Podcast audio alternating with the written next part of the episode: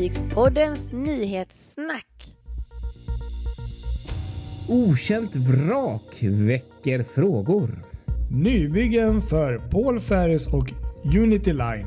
Skrotningen inledd av gamla Patricia.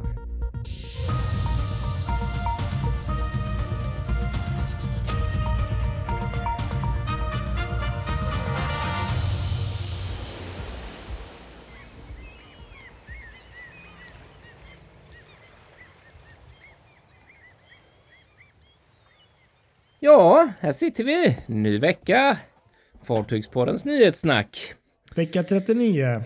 Ja, så är det nog ja. Ska avhandlas här. Här är söndag kväll och vilket väder det har varit här. Jag tror både i Göteborg men även hos dig i Stockholm va? Ja, jag kan verkligen inte klaga. Jag har ju, som, som du redan vet, men som lyssnarna inte vet kanske. Jag har ju haft en sån här båtupptagningsdag idag och eh, fått köra båten ifrån eh, den här hemliga orten utanför Stockholm till eh, Rådmansö. eh, en båttur på cirka två, två och en halv timme och det var ju stiltje i princip hela vägen och solsken och ja, runt 15-16 grader plus då när man kommer i land där. Mm. Så att, det, det, var ett mm. dröm, dröm sista båttur för, för den här säsongen. Ja, vad härligt. Ja. Vi hade också så här, vi hade städdag i vår båtförening i, ja. Sandvik i Torslanda där och eh, jag hann med i alla fall en liten sväng med båten ut för det var jättefint väder också. Ja, precis. Och jag har ju inte varit ute på, eh, jag skulle nog vilja säga en månad nästan, så det var väldigt skönt att bara vara ute och köra en liten sväng. Eh, sådär. Och jag tänkte, jag tänkte försöka ligga i lite till innan jag ploppar upp. Jag, det värsta är att okay. jag vet ju hur det var förra året. Det gick verkligen inte bra när jag låg i eh, lite för länge. Det kom en sån här riktig jäkla november, oktoberstorm och, så, ja, ja. och så hade jag en sån dålig kabinhake i den mest känsliga tampen eh, där, eh, där jag har en sån här självläns. Typ jag hade en sån självlänspump som, som liksom ska pumpa upp eh, vatten genom ryckningarna som uppstår. En ganska smart uppfinning. Eh, ja, ryckningarna som uppstår där i mm. tampen. Men den, den eh, kabinhaken var ju alldeles för klen för att klara av den där vinden så att jag den, den låg och slog i bryggan så att eh, det blev både fula märken i båten och eh, ja, bryggan ska vi inte tala om. Det syns Oj, fortfarande. Ja. men eh, ja, nej, det, det, är lite vågat kanske att ha i den, men, men eh, ja, nej, jag, jag kollade tampar nu också. De såg fina och hela ut så jag tror att det ska gå bättre nu, även om det kommer en liten storm här. Så att, ja. Eh, ja jag, jag, vill så jäkla gärna. Jag känner så här att de här höstmånaderna ibland när det är sån här kall, helt stilla upp soluppgång och det kommer något fartyg. Mm. Så här, ja, det vill man ju gärna ha om man har chansen. Så vill man gärna göra. Så att jag, jag är lite så. Jag vill ha ja, lite till innan jag tar upp den. Om vi går till lite andra fartyg. Lite andra båtar. Klart lite större båtar. Ja, det är som varje vecka händer det roliga grejer. Och, eh, och den här tyckte jag var riktigt spännande måste jag bara inflika. Ja, en grej som var riktigt häftig, alltså som, som, som verkligen tog många med, alltså oj, en sån reaktion. Det var ju eh, Sjöfartsverkets nyhet eh, från, jag undrar om inte det var fredagen borde det varit. Mm. Ja, det var i slutet av veckan. Ja, om ett vrak på 74 mm. meter som hittats utanför Holmsund i Umeå. Nästan precis där eh, Aurora Botnia trafikerar mellan Umeå och ja, Det är det som jag tänkte direkt på att vi var ju i princip i de vattnen. Mm, precis, exakt när vi gjorde vår Aurora Botnia special. Och det roligaste mm. av allt med det här är ju lite grann också att eh, alltså så här. Det här, de upptäckte ju detta när de gjorde såna här eh, sjömätningar som Sjöfartsverket gör ständigt och jämt. Mm. De var ute med den här, um, vad heter det, Mikael Hägg tror jag den här uh, båten heter som de var ute och sjömäter med. Och så plötsligt så uh, såg de okay, då ja. uh, det här vraket som då de kunde mäta upp till 74 meter på 35 meters djup. Och eh, det ligger då precis söder om Holmön som är alltså utanför Umeå. Eh, och de har ju då haft med sig ganska avancerad 3D-teknologi så de har kunnat få en ganska så god bild av det här vraket. Mm. Uh, och det är ju helt fantastiskt. Och det roliga är att ingen riktigt vet vilket fartyg det rör sig om. Uh, det här. Det vet man inte än. Nej, det, det, det, är det jag gillar att det verkar vara. Man har en liten gissning, man är inte hundra och det är ett ganska stort fartyg utifrån ja, som man ändå kommer fram till. Ja, precis. Exakt. Verkligen. Så det här är ju superspännande. Ja, verkligen. Det är så himla roligt så att det inte är klokt liksom. Men sen finns det ju så här. Det finns ju massa. Det finns ju massa, massa ska jag inte säga, men det finns ju teorier då såklart. Mm. Eh, det finns ju många vrak eh, kunniga människor där ute och eh, en av dem som P4 Västerbotten fick tag i eh, är en, en vrakexpert som heter Anders Thulin eh, som hade en, han fick se de här bilderna och har en teori om att det här kan vara ett fartyg som heter Dodonia okay. som förliste och försvann 1913. Oj. Och enligt honom då så stämmer måtten exakt för att det fartyget var 74 meter eh, långt just eh, och var en sån här eh, välterdäckare som man säger och med liksom eh, som en brunn kan man säga och med, med, med överbyggnader och så där så att det skulle kunna stämma att det är det, det, det jag tänker på är ja, nu vet ju inte jag hur mycket information man har om det. Alltså, man har ju inte varit nere där på det sättet än. Men, men um, om nu ett fartyg försvinner, alltså det måste ju finnas någon mm. form av information. Ja, det finns det säkert då, i och med att han visste om, att, eller misstänker att det är det. Men, men eh, fatta liksom om man nu eh, tids nog gör en dykning där. Alltså, fatta vad man kan hitta för spännande. Eller liksom, ja, det här är, är ju, sånt här älskar jag. Det här är ju Ja, det var så häftigt mm. också, för det hade jag eh, dålig koll på. Men tydligen så är själva vattnet i Östersjön extra lämpat för att bevara, eh, bevara vrak i och med att det är lite övergött och eftersom det är bräckvatten mm. och eftersom det är rätt syrefattigt så innebär det att nedbrytningsprocessen av både stål och trä går extremt långsamt. Mm. Till exempel skeppsmasken finns inte där utan träet försvinner ju eh, mer den naturliga vägen, vilken är en väldigt långsam process. Ja. Om inte skeppsmasken finns. Så att, ehm, och så stålet då som också har hållit sig väldigt fint. Där. Så att, eh, ja, nej, fantastiskt. Det är ju helt otroligt. Som sagt, det är ju över hundra år sedan liksom i så fall. Det är sådana som Anders Thulin eh, som är dyk och dykare och vrakintresserade. Det är sådana människor som kommer ju bli vilja lägga hela sin förmögenhet på ja. detta för att ta reda på vad det, är, vad det handlar om. Nu är det ju höst och lite luriga väderförhållanden, men är, ja, är det fina dagar så kan man ju säkert kanske göra en expedition. Det är ju inte så där att man behöver åka ut till eh, Titanic. Liksom. Nej, det, här är ju lite lättare. 35... 35 meters djupt och, och, inte långt ifrån Holmön. Så jag menar, det är ju ganska enkel uh, mission egentligen. Ja, liksom. och 35 meter. Det är nu inte jag någon dykexpert, men det, det klarar man väl med vanlig dykarutrustning. Ja, tror precis. jag. Det tror jag med. Ja. Mm, precis. Men det som också var intressant i detta, som inte jag hade en aning om heller, det är att de gör ju sån här sjömätning hela tiden eh, för att mäta djup och sådär. Och nästan varje år så hittar de olika vrak på olika sätt eh, runt Sveriges kuster, vilket är otroligt intressant med tanke på att då måste det finnas så otroligt många okända vrak av olika storlekar. S säkert. Eh, av olika tidsepoker sådär. Och det, det tangerar ju också egentligen en annan grej som var fantastiskt intressant från veckan från Halland och en, en, en badgäst som sprang på ett vrak utanför. Han var ute och badade eh, och så hittar han ett vrak så här mitt i, i sanden liksom vid, stranden vid Skria, Skria strand. Okej. Okay. Det är ju helt otroligt också. Det är ju helt och då, då snackar vi inte då, då, om 1900-talet utan då var det ett 1500-talsvrak ja, från Holland och då har de liksom du vet gått och tittat på det här träet och kunnat analys analyserat träet och sett och datera det till att det kommer från 1500-talet mm. och Holland. Eh, och, nej, det är så fräckt. Och det här hade han då, och det var ju teorin då att det här vraket har legat inbäddat i sanden eh, utanför Skrea strand. Men nu på grund av olika vindar och olika hur det har rört sig så har det liksom kommit fram då, mm. ur sanden. Det finns lite bilder där vi kan lägga upp sen på, på eh, vår Facebook-sida som man kan få se.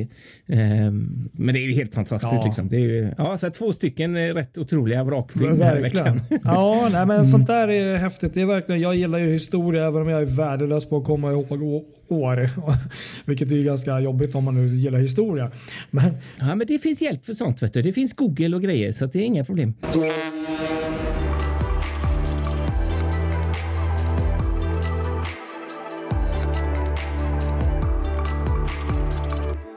Ska vi gå vidare till Polen då? Det ska vi göra. Här, nu ska vi till... Här händer grejer. Precis, här händer det grejer. Här är ska jag försöka bena ut det här någorlunda. Nu, nu var det en polsk eh, artikel och min polska är ju inte riktigt eh, i tvätt. Eh, vad ska man säga, re, ren. så, det var en Nej. väldigt halvtaskig Google-översättning. Men, men det, det, det som har väl kommit fram här är att det, det ryktas och verkar väl vara en typ av information här som säger att det är väldigt nära en, en ehm, en, ehm, vad ska man säga, ett kontrakt som ska skrivas på här och eh, gällande Ah. nya fartyg. Ja, just det. Och det är då för Paul Ferries och Unity Line, de här två färjerederierna som ja, bland annat går till Polen från Sverige. Då. Mm. De två statliga bolagen. Precis. Och eh, enligt källor då så är man då tydligen väldigt nära. Eh, det har ju varit snack förut vet jag. Men nu verkar det vara Mhm. väldigt nära ett eh, slutligt eh, liksom, avtal här om att börja byggandet. Och tydligen så har man redan börjat eh, söka efter varv. Och enligt artikeln så var det bara några veckor ifrån ett slutligt vad ska man säga, svar och avtal på ja, från vilket varv det blir nu som ska bygga de här fartygen. Men, men tanken är att det är tre fartyg, eller egentligen fyra. Jag tror det var option på en fjärde också. Aha. Det är, och om jag inte nu minns fel så är det då två fartyg vardera. Det här är lite suddigt för att eh, jag försökte hitta mer information men det var svårt. Ehm, Men det gäller då i så fall fartyg som är runt 200 meter. Mm. De ska ha isopod som gör det, isopoddar då, som gör det, ska göra det väldigt enkelt och mer ehm, ja, enklare att liksom manövrera in i hamn och sånt. Och det, det såg ju vi, om inte annat på Rådebotnia, hur fort det gick för dem att vända i hamndockan där. Mm, gud ja. Så att Mm. eh, isopods och 200 meter långa, lite drygt. Och med ungefär en lastkapacitet på 4000 lastmeter ungefär stod det där. Eh, Aha, Så det verkar mm. ändå bli ganska rejäla lastkärror. Och så ska Mm. de kunna ta runt 400 passagerare. Och första fartyget, vilket eh, nu det blir för först, är, ska vara klart till början av 2024. Och sen kommer nästa 2025. 2026 och så får vi se om den fjärde kommer 27. Eh, Mm. Mm. Men från det lilla man ändå Intressant. fick reda på så verkar det vara väldigt nära ett slutligt eh, avtal. Att det är väldigt nära att gå igenom här nu. Så att, eh, det låter spännande i Ja, alla fall. intressant. Riktigt spännande. För det är lite sådär, för det där har varit en stor snackis länge. Ja, jag vet. Du Eh, sa det är det. ju två Mm. som sagt. Ja, det är dels det att det ska komma nya fartyg eller renovera befintliga. För det ska ju vara LNG-drift. Just det, det glömde jag säga. LNG Eh, och, eh, ja. och diesel. För det var två, Ja, två olika. Combo, multi, dual fuel, Mm. precis exakt. Och, eh, men det intressanta är, för det har varit snack rätt länge om att de här två statliga rederierna, Paul Ferries och Unity Line, att de ska slås samman till ett eh, rederi istället. Eh, och, och det har man ju då eh, snackat fram och tillbaka om under eh, i flera års tid, men det har inte hänt något och än så länge har vi ju inte sett något sånt att det skulle vara någon form av, utan det här var ju också snack om att det ska vara två, två båtar till varje rederi. Så att ja, det där är, blir spännande att se om det Ja, vad precis. som händer där. Nu till något eh, lite mer mindre spännande på så sätt. Ja, eller lite tråkigt Ja, kan man väl tråkigt är det säga. Eller inte oväntat. Det har ju varit eh, snack om det rätt länge nu, men eh, den här gamla klassiken från Svenska Lloyd, Patricia, eh, har nu dragits upp på stranden i Alang. Eh, eller har börjat i alla fall. Man har sett lite bilder på eh, det fartyg eh, som hette Patricia som nu heter Amusement World. Det har ju varit så här kasinofartyg i Asien. Okej. Eh, men nu är, är då eh, som sagt under namnet World tror jag till och med den är formellt sett heter. Eh, och ska skrotas i Alang i Indien och denna process är nu inledd alltså. Och det här är lite speciellt fartyg för det byggdes eh, på Lindholmens varv i Göteborg 1967 Aha.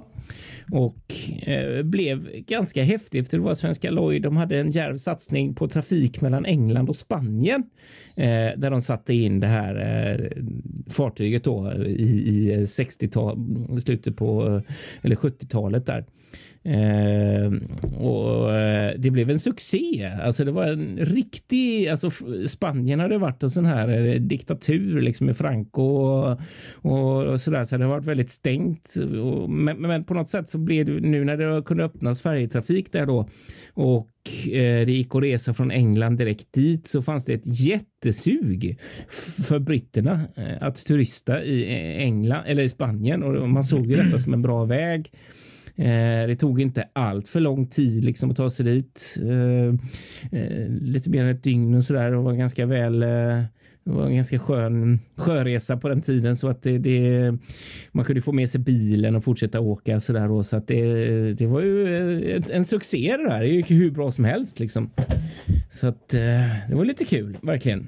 Men sen så blir det som det blir med det där ibland med färjelinjer att det plötsligt så händer det saker. Det kommer konkurrenter och det kommer flyg och lite allt möjligt så att då fungerar det inte längre utan då, då eh, får man hitta på andra saker. Ja, ja, men så är det ju. Mm. Ja, men det är ett spännande fartyg som har en lång historia med, med många namn. Den har ju bland annat hetat Stena Oceanica, Stena Saga, Lion Queen, Lion Crown Queen, Princess ja. Victoria, Crown Princess, Pacific Star, Sun Fiesta, Lion Queen igen, Putri, Bintang och så Amusement World och så nu World, det sista.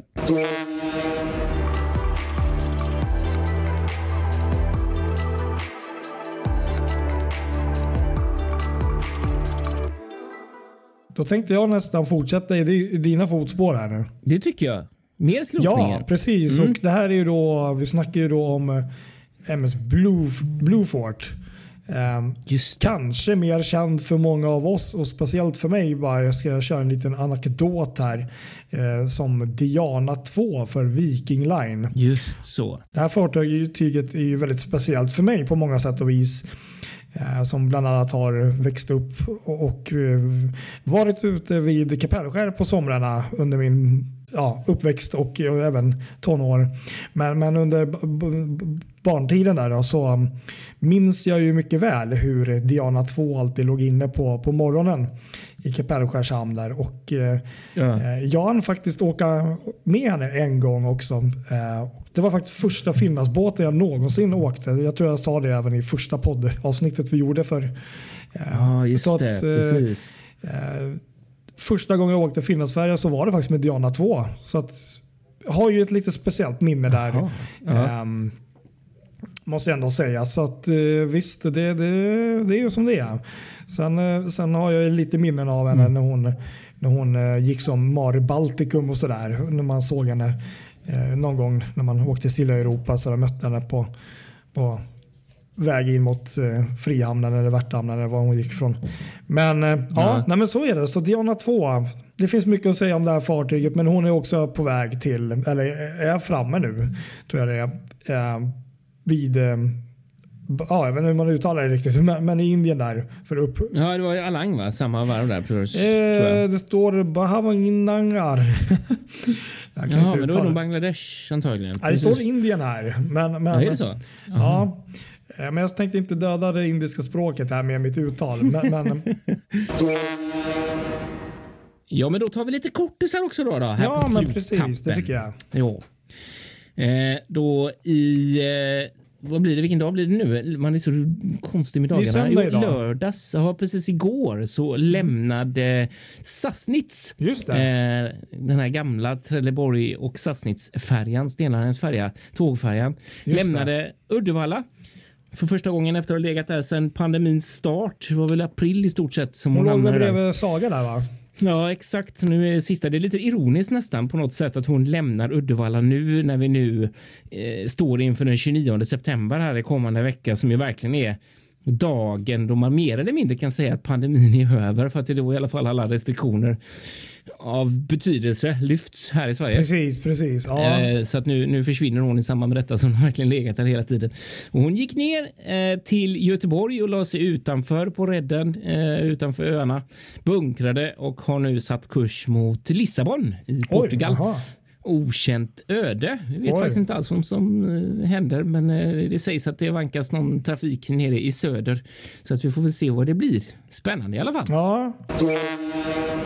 Och så apropå det så eh, Saga just som vi pratade om. Eh, hon har ju avslutat sin charter som hon har haft på Adriatiska havet. Sommarchartern är slut, så hon har legat. Det ligger just nu för närvarande på varv utanför Aten, där inte långt från Pireus och ska göras i ordning inför kommande uppdrag och där ryktas det faktiskt om en charter på ett och ett halvt år Oj. så långt bort som i Filippinerna. Oj, oj, oj. Eh, Ja. Hon ska vara eh, någon form av hotellfartyg och där hon nu då utrustas med mer hytter för att klara av detta då.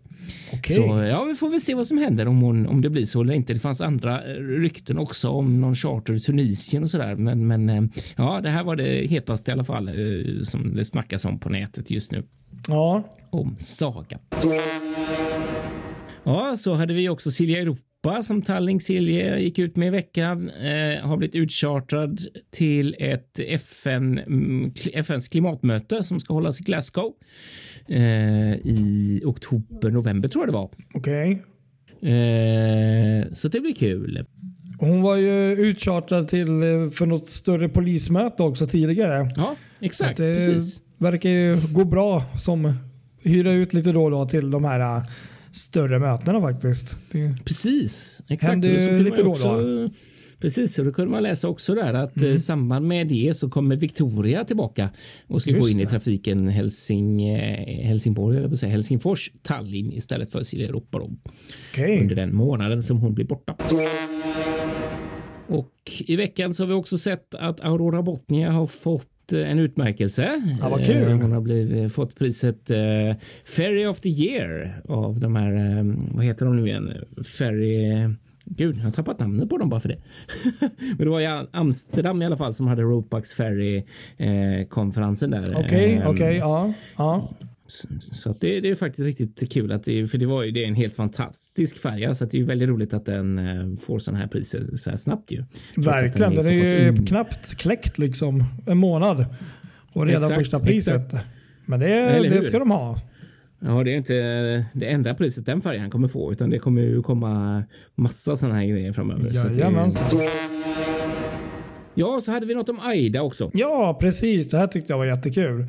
Det är ju då Aida Cruises. Då, de har ju börjat någon typ av samarbete med eh, danska Lego, leksakstillverkaren Lego. Och eh, Det här har ju då inneburit, eller slutresulterat till en början då, att eh, man har nu öppnat världens första legobutik ombord på ett kryssningsfartyg. Och det är Mm, då en butik på 75 kvadratmeter som innehåller alla de här Lego by- byggsatserna och figurerna man kan önska sig och mer därtill. Och eh, det är då ombord på Aida Prima som då är först ut. Eh, Jag vet inte om det blir fler fartyg som kommer ha det här, men, men de är i alla fall först ut och eh, därmed så är det första legobutiken till havs. Ja, det är ju läckert. Nej, det är jättekul. Jättekul. Och det såg, ju- det, det såg ju ganska härligt ut när man såg bilder på, på alla glada människor i, i legobutiken. Ehm, så att, eh, men det där tror jag det kan nog bli bra. Då, min första tanke var så här, hmm, kommer de att göra lego-modeller åt de här um, åt Aida då kanske i framtiden? Ja, det hade vet? varit nice. Ja, Eller vem hur? vet, vem vet. Ja, vi får väl se där. Precis. Så nu har ni en anledning Spännande. att boka in er på Aida Ja. Prima. Helt klart, så är det.